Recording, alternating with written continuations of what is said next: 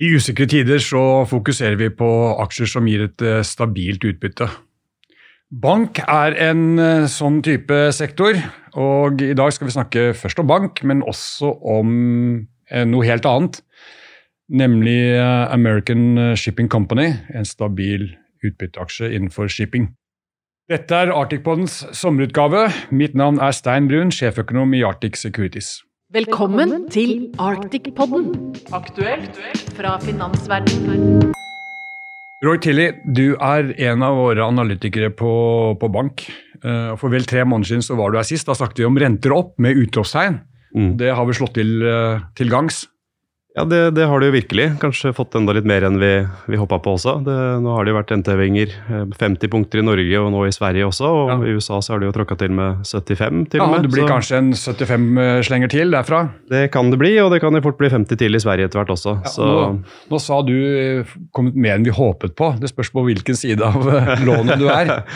det, det er helt riktig. Og det er jo fra, fra bankståsted så klart eh, høyere renter er bra for bankinntjening. Sånn, sånn Mm. er det også når du stiger 50 punkter. Ja. Rett og slett fordi man får uh, typisk økt rentemarginen sin i, når renter er på vei opp, som selvfølgelig da drar netto renteinntekter opp, som er den viktigste inntektslinja til banker. Ja.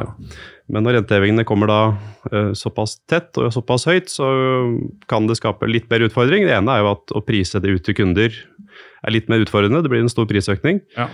Eh, Bankene gjør det jo, eh, Ja. men det er klart du får litt flere som begynner å prute, og kanskje litt vanskeligere å få fullt gjennomslag. Eh, Og det andre er jo selvfølgelig at når rentehevingene kommer såpass høyt og såpass fort, så er det litt vanskeligere for husholdninger og bedrifter å tilpasse seg et nytt rentenivå, som kan skape litt utfordringer. Ja, Kvarting i kvartalet går greit, men 50 punkter annenhver måned, det, da begynner det å bli litt mer blåsete. Da blir det litt utfordrende for flere, ja. Riktig. Men la oss da altså, se på, på bankaksjer nå i første halvår. Altså, bankaksjer har jo faktisk Hvis vi ser på europeisk bank, da, så har de jo outperformet eh, markedet generelt. I hvert fall de har falt mindre da, enn markedet generelt. Eh, men i juni, fram til halvårsskiftet, så begynte det å endre seg. Da begynte bankene å gjøre det dårligere enn resten av markedet. og da er, Det har vært en periode sant, hvor vi har hatt stigende i resesjonsfrykt. Og det er jo negativt for bankenes inntjening. Det er det jo typisk. Bankene er jo på en måte litt summen av økonomien. ikke er jo, De låner ut eh, penger til alle, og når det går litt surt i økonomien, så påvirker det inntjeningen til bankene. Fordi, typisk fordi kundene får en mer trøblete periode, som, som kan medføre høyere utlånstap da spesielt. Det er jo hovedfrykten. Ja. Det har vi jo, nå har vi jo i Norden, da, særlig, og kanskje særlig Sverige, veldig fokus på næringseiendom. Mm. Eh, Som har slått negativt ut for bank. Um, For din næringseiendom så har vi altså høy gjeldsgrad. Det er kommende låneforfall, store låneforfall for enkelte, enkelte selskaper. Og det er stigende renter, og det er jo en litt dårlig kombo. Det er jo en utfordrende cocktail ja, for, for eiendomsselskaper, det er det, det er åpenbart. Og det ser du jo på, i hvert fall i Sverige, på det som er av noterte eiendomsselskaper der, så, så er jo det ned 45-50% i år. Mm. Ganske lenge så holdt de bankaksjene seg bra og hadde egentlig starta året veldig fint. Men på et eller annet tidspunkt så blir eh, fokus på nedsiden i eiendom såpass stor at man begynner å se på de som da har utlånseksponering dit også. Hvor stor, stor andel av utlånene utgjør næringseiendom? Eh, Det er litt sånn varierende fra bank til bank, men også klart nordiske banker har mye eiendomseksponering. Vi er jo et uh, folkeslag her oppe som er glad i å både eie egen bolig, og vi er glad i å investere i, i bolig, og vi er ja, bedrifter som er glad i å investere i eiendom. Så, Ja. så det er en relativt sett ganske stor eksponering, men, men det som har skjedd egentlig de siste årene, hvis vi ser på Sverige spesifikt, da, også disse eiendomsselskapene i Sverige som har fått uh, mye høyere gjeld de har jo nå levd eh, godt i mange år på fallende renter, billig finansiering, eh, verdien har kommet opp. Men veldig mye av det har egentlig kommet fra obligasjonsmarkedet de siste årene. Og det er et skift da, i forhold til hva det før. Det har vært et klart skift der banken egentlig har tapt markedsandelen sin på, på boliglån dit. Hvis du ser på, nei, unnskyld, på, på lån til eh, næringseiendom. Og hvis du ser på eh, svenske bankers utlån til næringseiendom i prosent av svensk BNP, så har den egentlig vært stabil de siste sju-åtte årene. Med andre ord, de har økt utlånene sine i takt med egentlig generell økonomisk vekst. Så det er jo en edruelig tilnærming. Det er det jo. Um, men så har jo til gjengjeld obligasjonsmarkedet vært veldig billig egentlig for veldig mange. Spesielt euromarkedet har de hatt mulighet til å hente billig finansiering eiendomsselskapene. Um, og det har jo vært veldig bra for dem. Men nå når rentene snur litt andre veien, så er det jo noen av de som kan få litt utfordringer. Ja, og, og til tross for det relative skiftet da, mellom bankopplåning og opplåning i obligasjonsmarkedet, så er fortsatt bankene eksponert. Bankene er fortsatt eksponert, men de sitter jo nå altså En fordel med det er jo i den grad jeg, Mitt utgangspunkt er vel ikke at det blir så ille, men i den grad man skulle komme dit at det blir eh, noen av de selskapene som får ordentlige problemer, så, så har man jo da egenkapital og egentlig obligasjonsgjeld foran deg. Ja. Mens bankenes eksponering er jo med pant i, Ja. i eiendommene. Ja. Og ser du på loan to value, altså belåningsgraden i balansen til bankene, så, så er det typisk lavt. For mange av de så ligger det godt under 50% Så Ja. det skal bli virkelig stygt før det egentlig er noe reell risiko for at de taper penger i, i eiendom. Det er jo noen av oss som er såpass gamle at vi var der under bankkrisen på begynnelsen av 90-tallet. Det har skjedd. Ja, det er, jeg er såpass gammel, for det, du var vel knapt ute av bleiene på det tidspunktet. Men etter den tid så har det vært en tendens til at når vi har gått inn i, i, i usikre tider, i frykt for resesjon, så har vi tendert til å overvurdere hvor mye banker faktisk kommer til å tape. Det har man absolutt. og det er... eh, Jeg husker også oljekrisa i Norge for noen år tilbake. Altså, hvis man var i London og snakka med hedgefond da, så ikke bare var bankene konk, men Norge var konk også. Ja.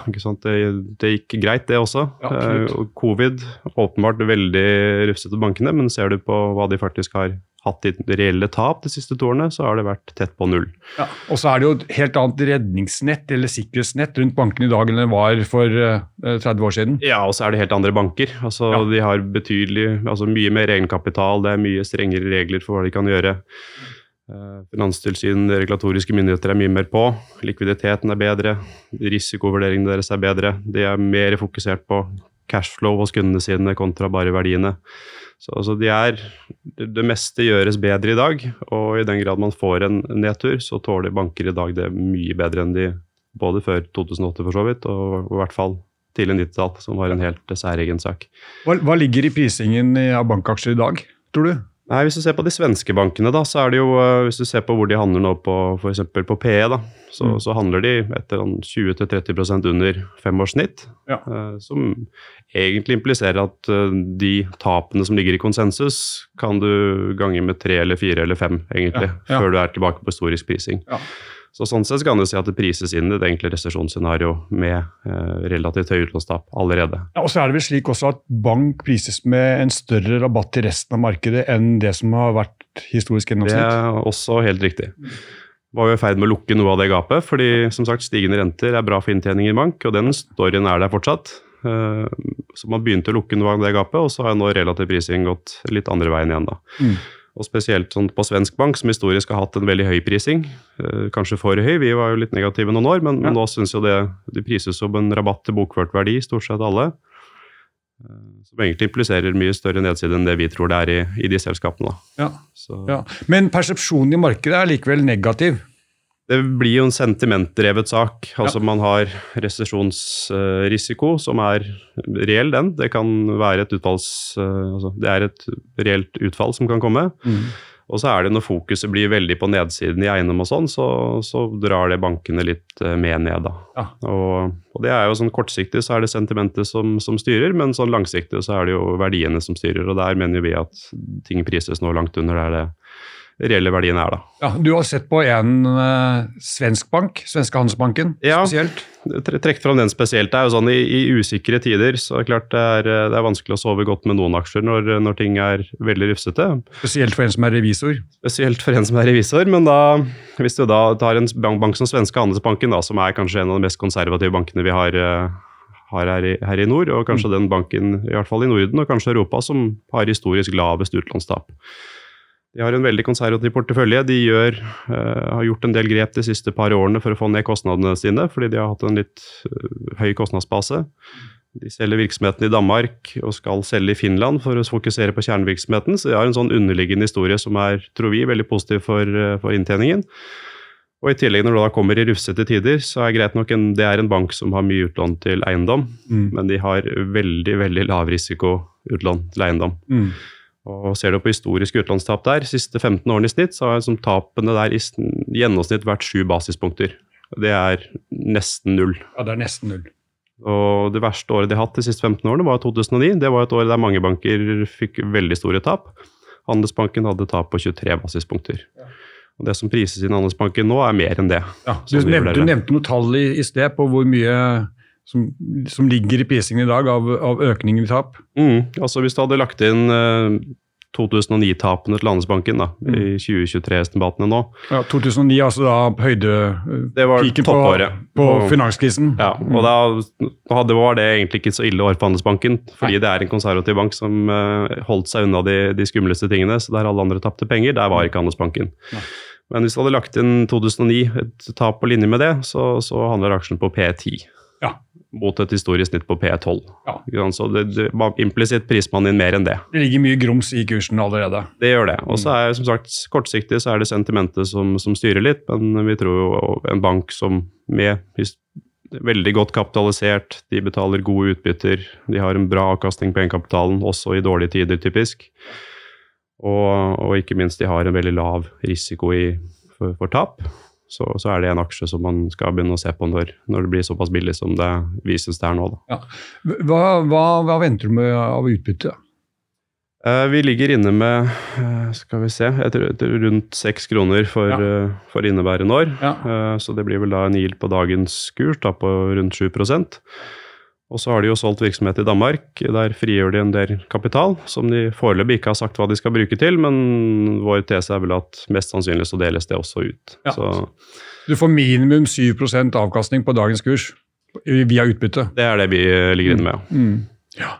Men, men som sagt, det, det kan være at sentimentet blir enda mer negativt enn det er nå. Det kan det bli. Ville du ventet, eller ville du begynt å kjøpe på vei ned?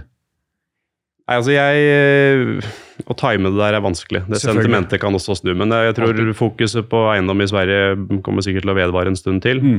Men uh, nå kommer jo snart etter hvert andre kvartalsrapportene, og, og da får du ofte en påminnelse om at disse balansene til bankene er bedre enn man uh, frykter. Ja.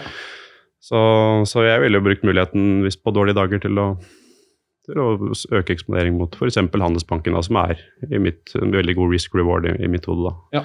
Nå har vel eh, svenske Riksbanken, sentralbanken i Sverige, Mm. hadde jo kommet nye eh, anslag nå. og det, Da legger jo de til grunn at eh, styringsrenten i Sverige skal opp ytterligere ett prosentpoeng før årsskiftet. Ja.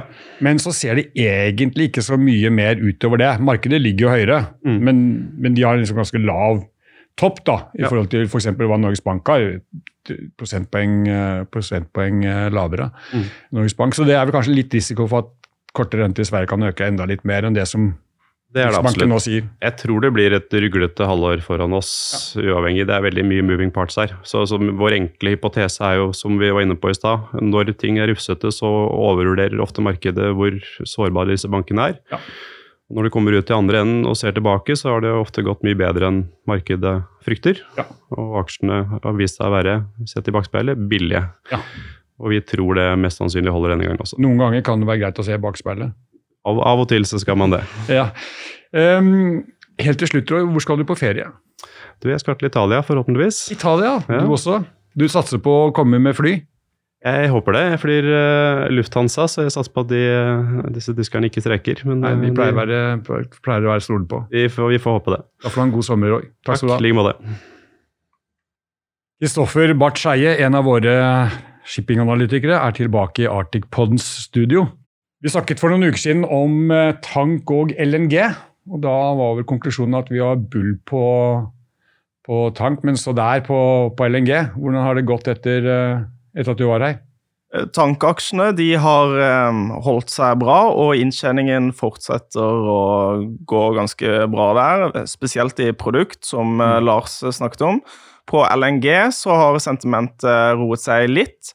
Denne Freeport-ulykken den har eh, vart lengre enn først antatt. Det er den terminalen på østkysten av USA. Det stemmer, som står for 20% av amerikanske eksportvolumer. Mm. Slik at det har ført til eh, et lite altså press på, på rater. Mm. Men uh, man kan fortsatt gjøre lukrative, lange tidssertpartier. Ja, men uh, hovedkonklusjonen fra, fra den forrige podden, den står seg bra. Det, den står seg bra, ja. I dag skal vi være enda mer spesifikke. Vi skal gå på ett selskap. Og da skal vi snakke om American Shipping eh, Company, eller AMSK i kortform. De opererer i noe som kalles uh, Jones Act-markedet i USA. Det er et ganske spesielt marked. Hva er det for noe? Det er et uh, særamerikansk uh, marked. Det vil si at alt av skipninger mellom amerikanske havner, det må gå på amerikanskbygde skip, selskaper som er drifta i USA, og det må ha amerikansk mannskap. Så veldig sånn sære eh, amerikanske marked. Ja, Noen vil kalle det lett proteksjonistisk. Ja, det kan man eh, kanskje si. Ja. Um, hva, er, hva, er, businessmodellen til, uh, til Amsk? Businessmodellen til Amsk det er altså at de eier eh, skip, og så leier de det ut uh, til motparter. men uten drift, slik at motparten står for drift, og de er kun en finansiell motpart igjen. Ja, Så de, de bare eier asseten, og så er det andre som drifter det? Riktig, slik som Ocean Yield og SFL. Ja. Eh, hva slags type skip er det de har?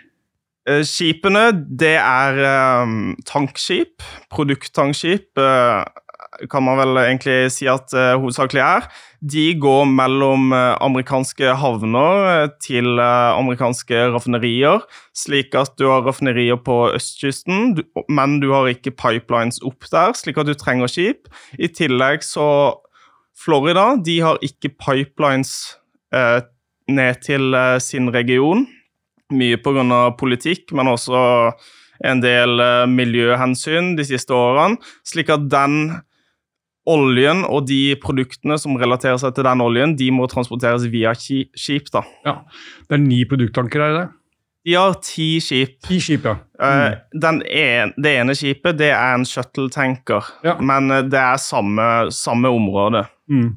Men disse går altså alle på såkalte bareboat-kontrakter. og de, Disse kontraktene løper jo ut med ujevne mellomrom.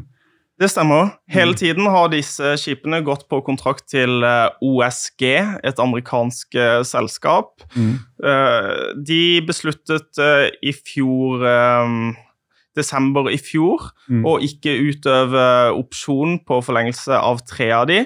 Og siden den gang har det vært en del usikkerhet til hva slags rate, og om man klarer å få kontrakt på disse tre skipene som ja. går av ved utgangen av 2022. Ja nylig lanserte American Shipping Company at de har fått kontrakt for to av de. Uh, på en treårs durasjon pluss ja. to års uh, opsjon. Uh, og det er på en 17% høyere rate enn eksisterende. Og det er på bakgrunn av at markedet virkelig har tatt seg opp. Og nå har de kun ett skip igjen som kommer åpent, som må sluttes ut. I løpet av annet halvår. Det stemmer. Ja. Og markedet har tatt seg opp, sier du. Er det sånn post covid? Ja, altså det er, det er, det er drevet av to ting. Før covid så begynte markedet å bli ganske stramt, men du fikk et skikkelig fall i eh, amerikansk etterspørsel etter eh, produkt, altså bensin og andre destillerte produkter som transporteres. Eh, slik at da ble det skikkelig tørke i, i det markedet, men det har også ført til at man har skrapt flere skip. Dette er i stor grad en tilbudsdrevet story. Ja. Hvis du skal kontrahere skip nå Du får ikke levering før i 2026, og skipene koster 160 dollar stykket. Så det er ganske dyrt å kontrahere, og du trenger ganske høy rate eh, på den økonomiske levetiden for ja. å kunne forsvare en sånn in Uh, investering, da. Ja, Så de neste, de neste tre årene, tre-fire årene i hvert fall, så ser det ut som det blir veldig liten vekst i flåten? Ja, det er det vi uh, lå inne med, mm. og det er det vi også traff godt med i forbindelse med en ratefornyelse. Ja, Og de, de, de leverer en jevn, løpende bra inntjening? Det gjør de absolutt, og mm. nok til å dekke et ganske godt uh, utbytte. Ja, så kommer vi tilbake til utbytte etterpå, men først her i mai, var det vel, så så kom eh, inn på skrå eh, offshore installasjonsskipet Norman Maximus. Eh, som da Amsk kjøpte for var vel 157 millioner dollar. Det er jo ganske mye i seg selv, men også veldig mye i forhold til Amsk sin markedsverdi. Da. Det man jo kunne mistenke, det er jo at dette, altså dette er jo ikke helt i kjernevirksomheten til Amsk. Og Båten er på bareboat-kontrakt til Solstad, og Solstad og og eh, Amsk har jo en stor fellesaksjonær, så det man kan lure litt på, var om dette kjøpet ble gjort på, som en intern operasjon, eller om nå Amsk er på vei inn i, inn, inn i, et nytt område. Ja, Det var veldig overraskende da nyheten kom. Eh, vi hadde ikke forventet at de skulle inn i offshore, Men det man må tenke på, er at selskapet de er opportunistiske. De har sett på vekst tidligere, men de har ikke funnet noe som kan uh, gi uh, den avkastningen de er ute etter og trenger for å forsvare en, uh, en ny investering. Og det tilbyr Nordmann Maximus. Mm. Det er en femårskontrakt til Solstad med ti års opsjoner. Den gir en avkastning på egenkapitalen på over 20 og, og, og det sammenlignes jo med dagens uh, utbyttegild på 11% i selskapet. Ja, så den kan adde til utbyttekapasiteten? Absolutt. Og selv om de må hente litt penger for å finansiere transaksjonen, mm. så, så øker det utbyttekapasiteten ganske mye. og vil fortsette å øke utbyttekapasiteten jevnt over de kommende årene, gitt at du får da mindre rentekostnader løpende fremover. Ja. Så stabil, beskyttet trade, som, eh, et, eh, som Jones Act gir, liten flåtevekst, stabil inntjening, det høres ut som en bra hedge i usikre tider. Ja, det er det vi også syns. Vi, vi tror at de kan øke utbyttet fra dagens nivå på 12 cent i kvartalet til 15 cent i kvartalet fra Q123. Ja. Uh, og Derfor er vi optimistiske og øker kursmål til 50 kroner, ja. som vil tils, uh, altså tilsier da en utbyttegjeld på 12 ja. uh, så, så, kan du jo si at dette er et illikvid marked de er inne i. Mm. Det er Jones Act Skip, det er 43 skip i det markedet, hvis du ikke tar med ATB-er. Du er inne i offshore, som eh, da er ganske usikkert. Eh, selv om eh, det siste året så har man virkelig fått, fått et nytt syn på den sektoren. Mm. Men mark altså markedsverdien av AMSK er betydelig under nybyggsparitet for ja. hele flåten. Ja. Slik at det er ganske god beskyttelse på nedsiden også, mener vi. Ja, og i sånne tider som nå, hvor det er stor usikkerhet, så liker vi jo selskaper som tjener penger i dag, og ikke om fem år, og som betaler stabilt bra utbytte. Absolutt. Ja, så Da er jo AMSK en av dine kjerneanbefalinger. Ja, vi tror at uh, mot uh, eh, 2023 så kan du få en så tror vi at markedet kan få en annen oppfatning av selskapet. Og det er ikke utenkelig at man finner flere attraktive oppkjøp eh, fremover. Nei. Men du, Dette er jo en sommerutgave av Arctic-poden. Hvor skal du hen i sommer? Eh, jeg skal til eh, Toskana. Toskana, du også, ja. Jeg tror det er sånn inflasjon i Arctic i år, om alle skal til Italia? Ja, Vi får se, da. Jeg reiser i morgen, og det er med SAS, så ja. det blir spennende. Vi får krysse fingrene. Ja. ja. Det går nok bra. Takk skal du ha. God sommer. Takk skal du ha. This podcast has been prepared by Arctic for information purposes only. The information, opinions, and recommendations presented in this podcast are for general information only, and any reliance on the information provided in this podcast is done at your own risk. This podcast should not be considered professional advice. The information provided in this podcast is not intended to constitute investment advice, nor is the information intended as an offer or solicitation for the purchase or sale of any financial instrument. Relevant and specific professional advice should always be obtained before making any investment or credit decision. It is important to note that past performance is not indicative of future results. This podcast does not fulfill the criteria for preparing investment research and must be seen as marketing material. All information submitted during this podcast is obtained from public sources that Arctic believes to be reliable, but which Arctic has not independently verified. Arctic makes no guarantee, representation, or warranty as to its accuracy or completeness. No liability whatsoever is accepted for any direct or indirect, including consequential loss or expense arising from the use of information from this podcast.